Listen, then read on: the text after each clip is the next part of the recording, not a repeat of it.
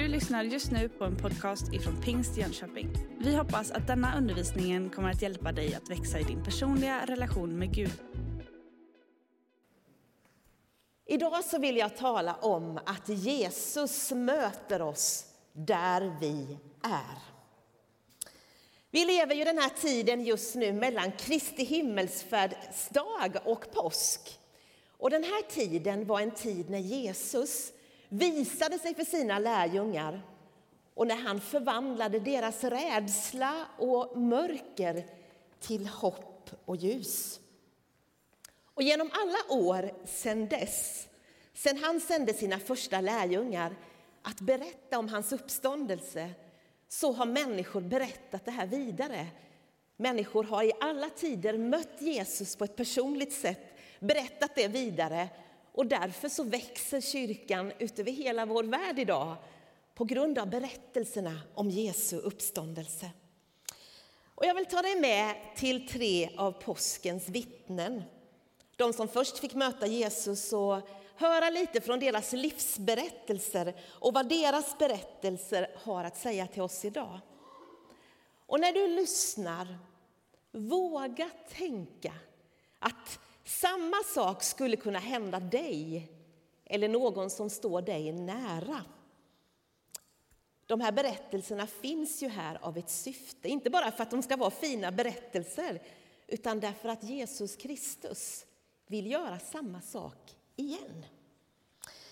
Det var ju så här, dagarna kring påsk var ju väldigt dramatiska för Jesus och hans vänner. Väldigt snabbt så byttes de där eh, Hosianna-ropen till några helt andra rop. Och den där intensiva närheten som de upplevde med Jesus, den där sista kvällen när han tvättade deras fötter, när de åt måltiden tillsammans. Den där närheten, den förvandlades till att kännas som att Jesus var så långt borta, ja, han till och med var död på långfredagen. Ibland kan det kännas så i våra liv också att det är någonting som händer i våra liv. Närheten och gemenskapen både med Jesus och varandra kan ganska snabbt bytas och någonting händer där det känns så där iskallt, det känns så dött och så svårt. Men min bön är idag att om du är i mörker av något sätt, på något sätt, att du idag skulle få se en strimma av ljus och hopp och att när du går härifrån att du skulle få förmedla det vidare. Vi börjar med att säga att Jesus han möter oss i vår sorg. Och vi tar vår utgångspunkt i berättelsen om Maria som Johannes evangeliets 20 kapitel berättar om. Det står i vers 1 till 18 berättelsen om Maria. Hon var den sista vid korset, bland de sista vid korset och hon var den första vid graven på morgonen. Maria hon har blivit känd för sin kärlek och sin passion till Jesus. Och jag skulle vilja påstå att hon är en mycket modig, passionerad kvinna. Eh, det finns många kvinnor som hon som gör stor skillnad i den här världen. Och Maria var en sån där riktigt hängiven, passionerad kvinna. Hon kallas Maria från Magdala. Och Magdala det var en stad. Och man kan fundera över varför hon inte hade liksom ett släktnamn utan varför hon kallades just Maria från Magdala. Kanske var det så att ja, på den tiden så blev man ju bortgift ganska tidigt. Men kanske var det så att hon hade förlorat sin familj, att hon var änka eller hon var skild hon hette i alla fall Maria från Magdala och den här staden hade hon lämnat för att följa Jesus tillsammans med andra kvinnor. Och hon hade förmodligen ekonomiska tillgångar. För eh, det står att det fanns ett antal kvinnor som tjänade Jesus med sina tillgångar. Maria från Magdala hade blivit befriad ifrån sju onda andar. Och man förstår att hon hade ett liv bakom sig där hon hade fått lida väldigt mycket. Och kanske därför så var hennes tacksamhet och hennes passion så enormt stark. Det är ofta så att de som har fått mycket förlåtet, de som har fått se Jesus göra stora saker i ens liv, de älskar så hängivet, passionerat. Den här dagen så kommer hon till graven väldigt tidigt och hon funderar på hur hon ska få bort stenen. Hon har välluktande kryddor med sig och oljor för att smörja hans kropp. Och så här står det eh, ifrån den elfte versen i tjugonde kapitlet. Maria stod och grät utanför graven. Gråtande lutade hon sig in och fick då se två änglar i vita kläder sitta där Jesu kropp hade legat, en vid huvudet och en vid fötterna. Och de sa till henne, varför gråter du kvinna? Hon svarade, de har flyttat bort min herre och jag vet inte var de har lagt honom. Det är obeskrivligt mörkt i hennes liv. Hon har gjort sitt livs största förlust. När någon förlorar en nära anhörig i en olycka eller i en katastrof och man inte hittar kvarlevorna så är det en extra tung sorg, kan de berätta som har varit med om det. Inte nog med att Jesus var död, hans kropp var borta. Hon upplevde en stor övergivenhet. I vers 14 står det när hon hade sagt det vände hon sig om och såg Jesus stå där. Men hon förstod inte att det var han. Jesus sa till henne, varför gråter du kvinna? Vem letar du efter? Hon trodde att det var trädgårdsvakten och svarade, om det är du som har burit bort honom, Herre, så säg mig vart du har lagt honom så att jag kan hämta honom. Hon ser honom, men hon känner inte igen honom. När vi är i sorg eller i chock så är det som att det mest välkända kan bli främmande.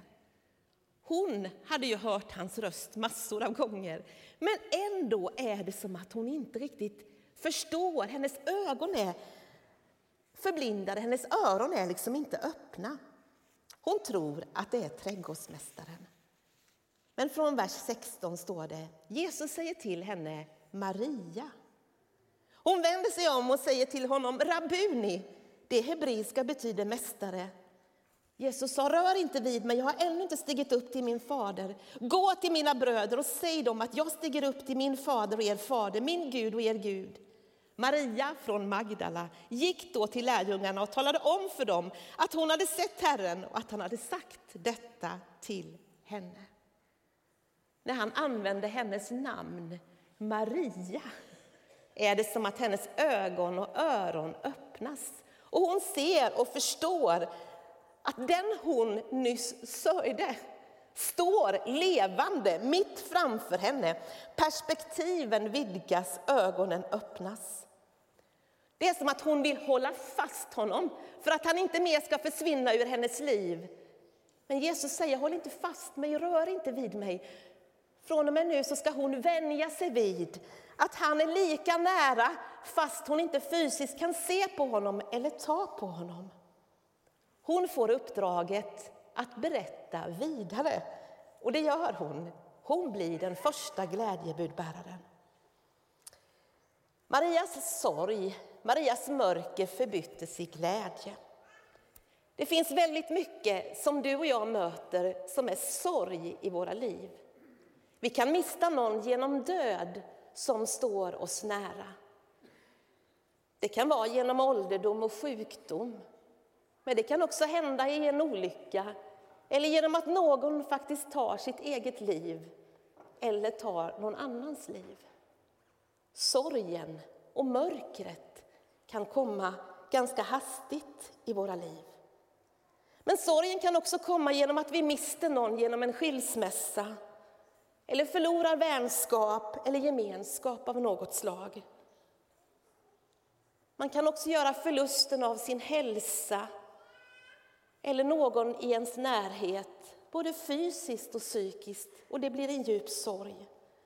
Eller sorgen över att livet helt enkelt inte blev som vi har tänkt. Men oavsett vad vår sorg och våra förluster beror på så är jag övertygad om att den här berättelsen finns här för att påminna oss om att det finns en hand att hålla i. Det finns en famn att falla i. Det finns ett namn att ropa i dödsskuggans dal. Det finns en kärlek utan gräns. Det finns någon som vet hur stegen känns. Och det är inte förgäves att du gråter dina tårar. Om Maria hade stått här idag och gett sitt vittnesbörd så tror jag att hon hade sagt när det är som allra mörkast, då är ljuset som närmast. Och om du öppnar dina ögon, om du öppnar dina öron så ska du få erfara att du är inte ensam i din sorg utan att Jesus Kristus kommer till dig och han vill möta dig precis där du är. Jesus möter oss också i våra tvivel. Det hörde vi om förra söndagen när Markus Adenfors talade om Thomas. Han som var en av Jesu lärjungar som faktiskt tidigare hade sagt att han var, han var beredd att, att faktiskt dö med Jesus om det skulle behövas. Han ställde bra frågor. Men också Thomas hamnade i mörker i sitt liv efter att Jesus hade dött. Vi läste förra söndagen från Johannes, det 20 kapitlet, om när lärjungarna var samlade bakom reglade dörrar och så kom Jesus och var mitt ibland dem. Önskar dem frid, andas på dem och säger ta emot helig ande. Men Thomas var inte med. Vi vet inte om han hade på något sätt dragit sig undan. Vi gör ju så ibland, vi människor. Vi drar oss undan av olika anledningar. Och så missade ju han när Jesus kom. Och de andra var jublande glada, men han hade sina tvivel och sina frågor. Men du vet, Jesus han är så personlig. Han ser rakt in i våra liv och vet exakt vilka vi är och vad vi brottas med. Och I Johannes det 20 kapitlet och 26 versen så står det en sån fantastisk berättelse. En vecka senare var lärjungarna samlade igen och Thomas var med. Då kom Jesus, trots att dörrarna var reglade, och stod mitt ibland dem och sa Frid åt er alla. Därefter sa han till Thomas Räck hit ditt finger, här är mina händer, räck ut din hand och stick dig i min sida. Tvivla inte, utan tro. Då svarade Thomas, min Herre och min Gud.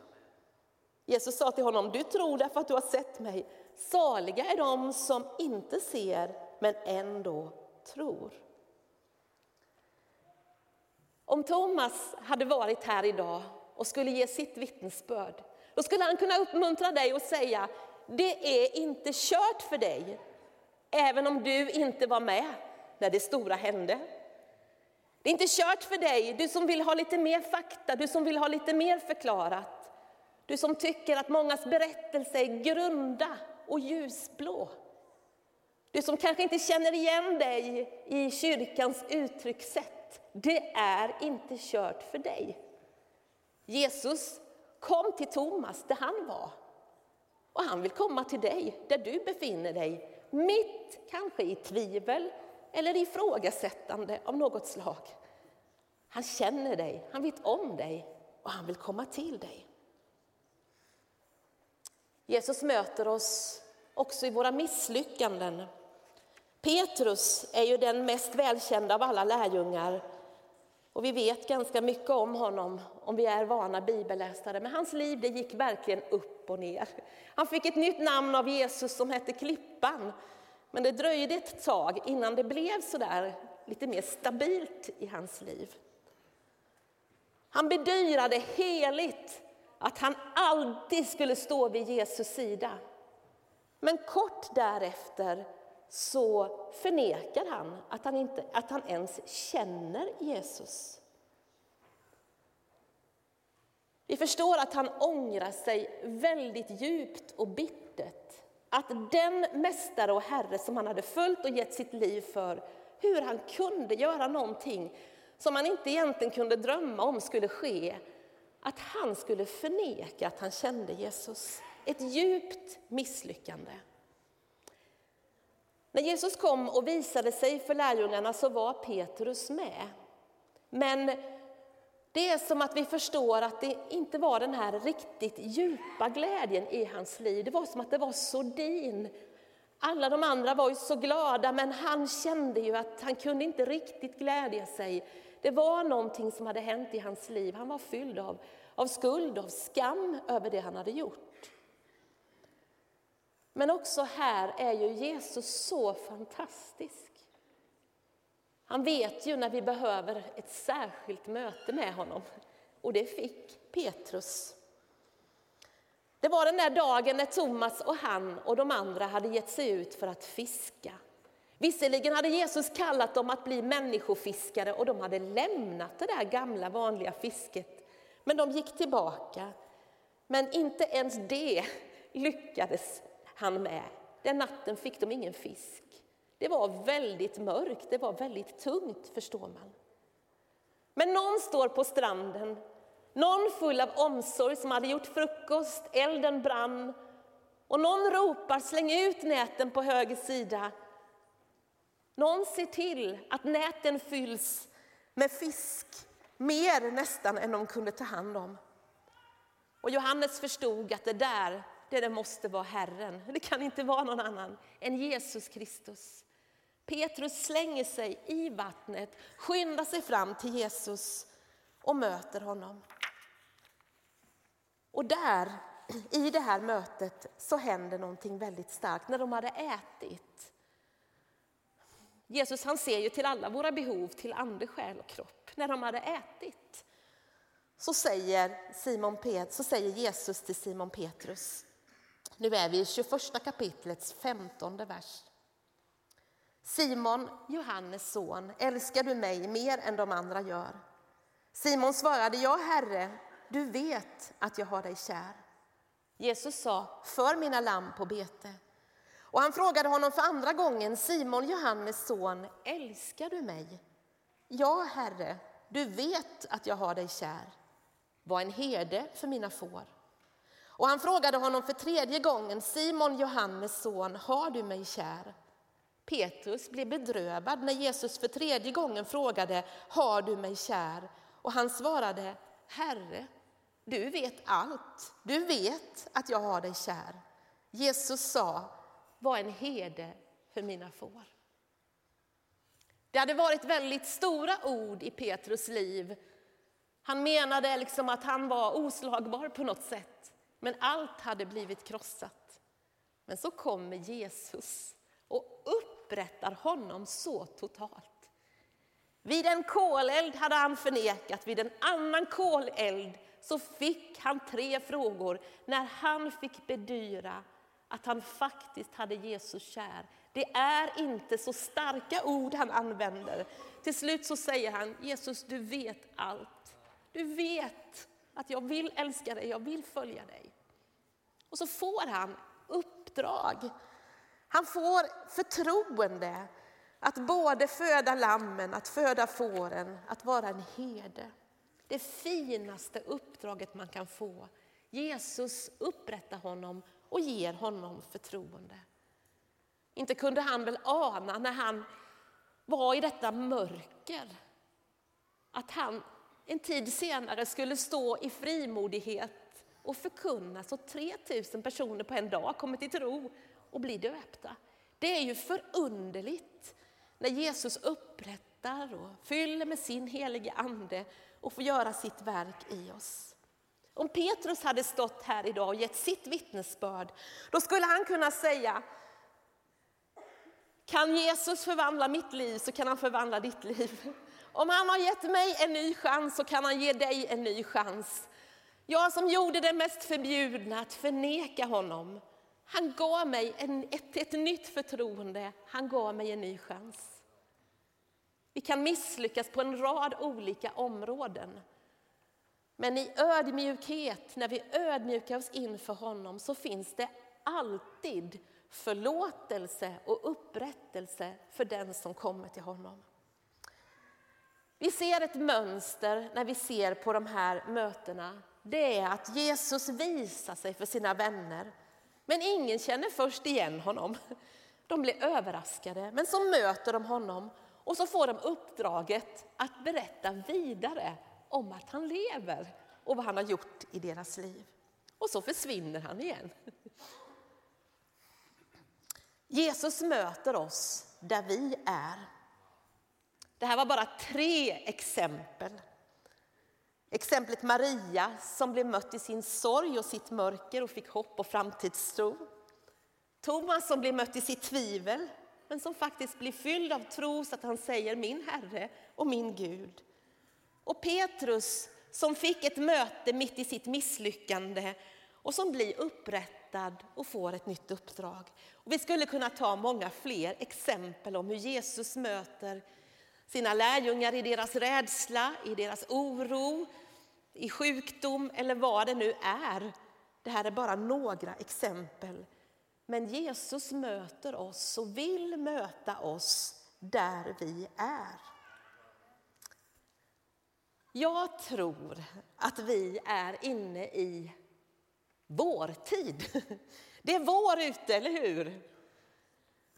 Även att det snöade på höglandet häromdagen, så är det vår. Men jag ser också att det är vår i vårt land och det är vår tid i vår församling. Gud gör saker, vi ser att det spirar. Människor kommer till tro och finner Jesus Kristus. Jag blev väldigt uppmuntrad eh, av ett tv-program som jag skulle vilja uppmana er att se om ni inte har sett det.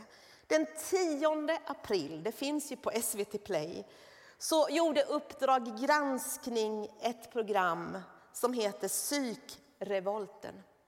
En uppföljning av programmet som sändes ett halvår tidigare, Vem kan rädda Sanne?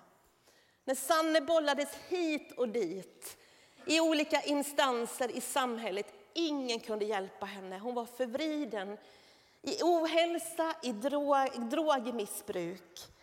Men i det här uppföljande programmet så får vi se en helt annan människa. En vacker ung kvinna. Så hon hade mött Sebastian Staxet och genom honom fått möta Jesus. Och genom honom också fått möta en lokal församling med människor som brydde sig om henne och som kunde möta henne där hon var. Och hela hennes liv har blivit förvandlat och det här sänds i Uppdrag granskning. Visst är det fantastiskt? Ni måste se det om ni inte har sett det. Det är helt fantastiskt. Och hennes mamma som ännu inte är troende säger att hon är så tacksam för det som har hänt. Vad som helst som kan hjälpa hennes dotter. Du vet, Jesus kan förvandla vilka liv som helst. Jag möter dem varenda vecka i vår kyrka. Människor som har fått sina liv förvandlade av Jesus. Ni sitter här, många av er. Skulle mikrofonen gå så skulle vi få massor av vittnesbörd. Människor som har vandrat länge med Jesus. Människor som alldeles nyss har mött honom. Vi har exempel från förra veckan. Vet, människor kommer hit. Googla på morgonen, hitta Pingstkyrkan, kommer hit, tar emot Jesus Kristus som sin frälsare, blir medbjuden av en arbetskamrat som i sin tur har blivit medbjuden av någon. Och så är det, så här sker det mitt i vår kyrka. På påskdagen hade vi en stor dopförrättning och ni som var här såg att det var en mängd olika människor. Några har gått vår alfakurs, de är mitt i livet. Några är unga, några kommer från andra länder, men alla har det gemensamt att man har mött Jesus Kristus, tror på honom, vill följa honom resten av livet och låter döpa sig. Det är vår tid i vår församling, det är vår tid i vårt land. Människor möter Jesus Kristus och han förvandlar. När Jesus mötte människor så andades han på dem. Han sa ta emot helig ande och han sände dem att berätta det här vidare. Jesus sänder oss att möta människor där de är. På samma sätt som de första kristna blir sända så är vi sända att faktiskt komma med hopp, komma med ljus. Komma med att det finns en framtid, det finns en förändring att Jesus Kristus lever idag. Min erfarenhet i svåra passager i mitt liv det är att Jesus ofta har kommit till mig genom andra människor. Det är andra människor som har fått komma med hälsningar. Ibland talar ju Jesus naturligtvis sådär till oss ifrån sitt ord och genom bönen. Men många gånger när det är sådär svårt i livet så är det just genom andra människor som man kommer. Det kan vara ett sms, det kan vara ett vykort, det kan vara en matpaj, mat, det kan vara en varm kram, det kan vara praktisk hjälp av något sätt. Jag har fått möta det många gånger där jag har fått erfara, åh, mitt i den här situationen kommer Jesus till mig genom en annan människa. Du vet, Gud han sörjer med dig som sörjer. Han lider med dig som kämpar i ditt äktenskap, med dina barn, med din hälsa. Vi har inte en Gud som är långt borta. Vi har en Gud som har kommit till oss, som har, vet hur stegen känns. Som har medlidande, som vet precis vad du går igenom. Han byter inte sida på trottoaren när han ser dig, för han orkar, orkar möta din blick. Han orkar stanna kvar i det lidande som du och jag får vara med om som människor. Han sörjer tillsammans med oss. Men han vill också hjälpa oss att vi vågar möta varandra där vi är och att vi kan bli fyllda av hans kärlek så att vi också kan möta varandra i de olika situationer som vi är med i. Här sitter vi och vi ser, jag ser er framifrån men ni ser ryggarna på varandra. Men egentligen har vi ingen aning om vad som pågår i en bänkgrannes liv. Din bänkgranne kanske just nu brottas med någonting oerhört svårt. Tänk om vi skulle våga stanna upp lite mer och kanske fråga, kanske orka stanna kvar och lyssna. Kanske dina barn, dina grannar eller faktiskt människor i din absoluta närhet har det tufft just nu. Men att Jesus vill sända dig med sin kärlek och sin uppmuntran att faktiskt få bli den där hälsningen. Jag har arbetat i församling i väldigt många år och har haft många samtal med människor och min erfarenhet är att det kan se sådär väldigt bra ut på utsidan men det kan vara otroligt stormigt på insidan där man minst anar det. Det kan vara fina bilder på Instagram och Facebook men här inne så är det både sorg och förtvivlan.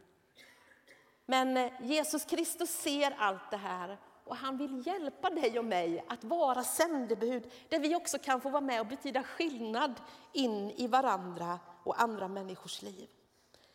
I vår församling så har vi ett stort nätverk, vi har ett stort socialt arbete som Caroline sa. Och vi har massor av människor som är modiga och säger vi behöver hjälp. Och det där kan hjälpa oss faktiskt att faktiskt själva också våga be om hjälp. En del av oss vi kanske känner att vi är lite mer etablerade och inte vågar. Men de här nya människorna som kommer, vi har ett nätverk med över hundra familjer i Singoallas nätverk, ensamstående föräldrar. Att få vara en, en hälsning från Jesus i det sammanhanget, ja det kan vara att dela måltidsgemenskap, att kunna finnas som barnvakt. Det kan vara att erbjuda den som inte kommer in på arbetsmarknaden eller på bostadsmarknaden en bostad. Det kan vara väldigt praktiskt och konkret. Eller det stora nätverk som vi har genom LP, inte minst bland kvinnor som lever i utsatthet. Gemenskap, måltidsgemenskap, att bara få finnas med. Jesus han vill möta dig där du är just nu. Oavsett var du befinner dig i livet så vill Jesus möta dig. Och det som är så fint i Guds rike det är att vi är ju både mottagare och givare på samma gång. Ibland så är jag själavårdare och förebedjare. Men ibland så tar jag emot egna, förböns, för, eh, eh, egna själavårdssamtal och tar emot förbön. Jag, jag kan vara med och tjäna, men jag behöver också bli betjänad. Jesus vill möta dig där du är just nu. Och om du går igenom mörker och svårigheter just nu så vill han möta dig och han vill öppna dina ögon så att du ser att han är med dig och han vill styrka dig att vandra vidare där du är. Men han vill också möta dig som kanske just nu känner att jag skulle kunna vara med och tjäna och vara med och sprida Guds budskap vidare på något sätt. Han vill visa dig vad du har och att du ska kunna använda det i hans rike. Du har just lyssnat på en podcast ifrån Pingst Jönköping. För att få reda på mer om vilka vi är och vad som händer i vår kyrka så kan du gå in på pingstjonkoping.se eller följa oss på sociala medier via pingstjkpg.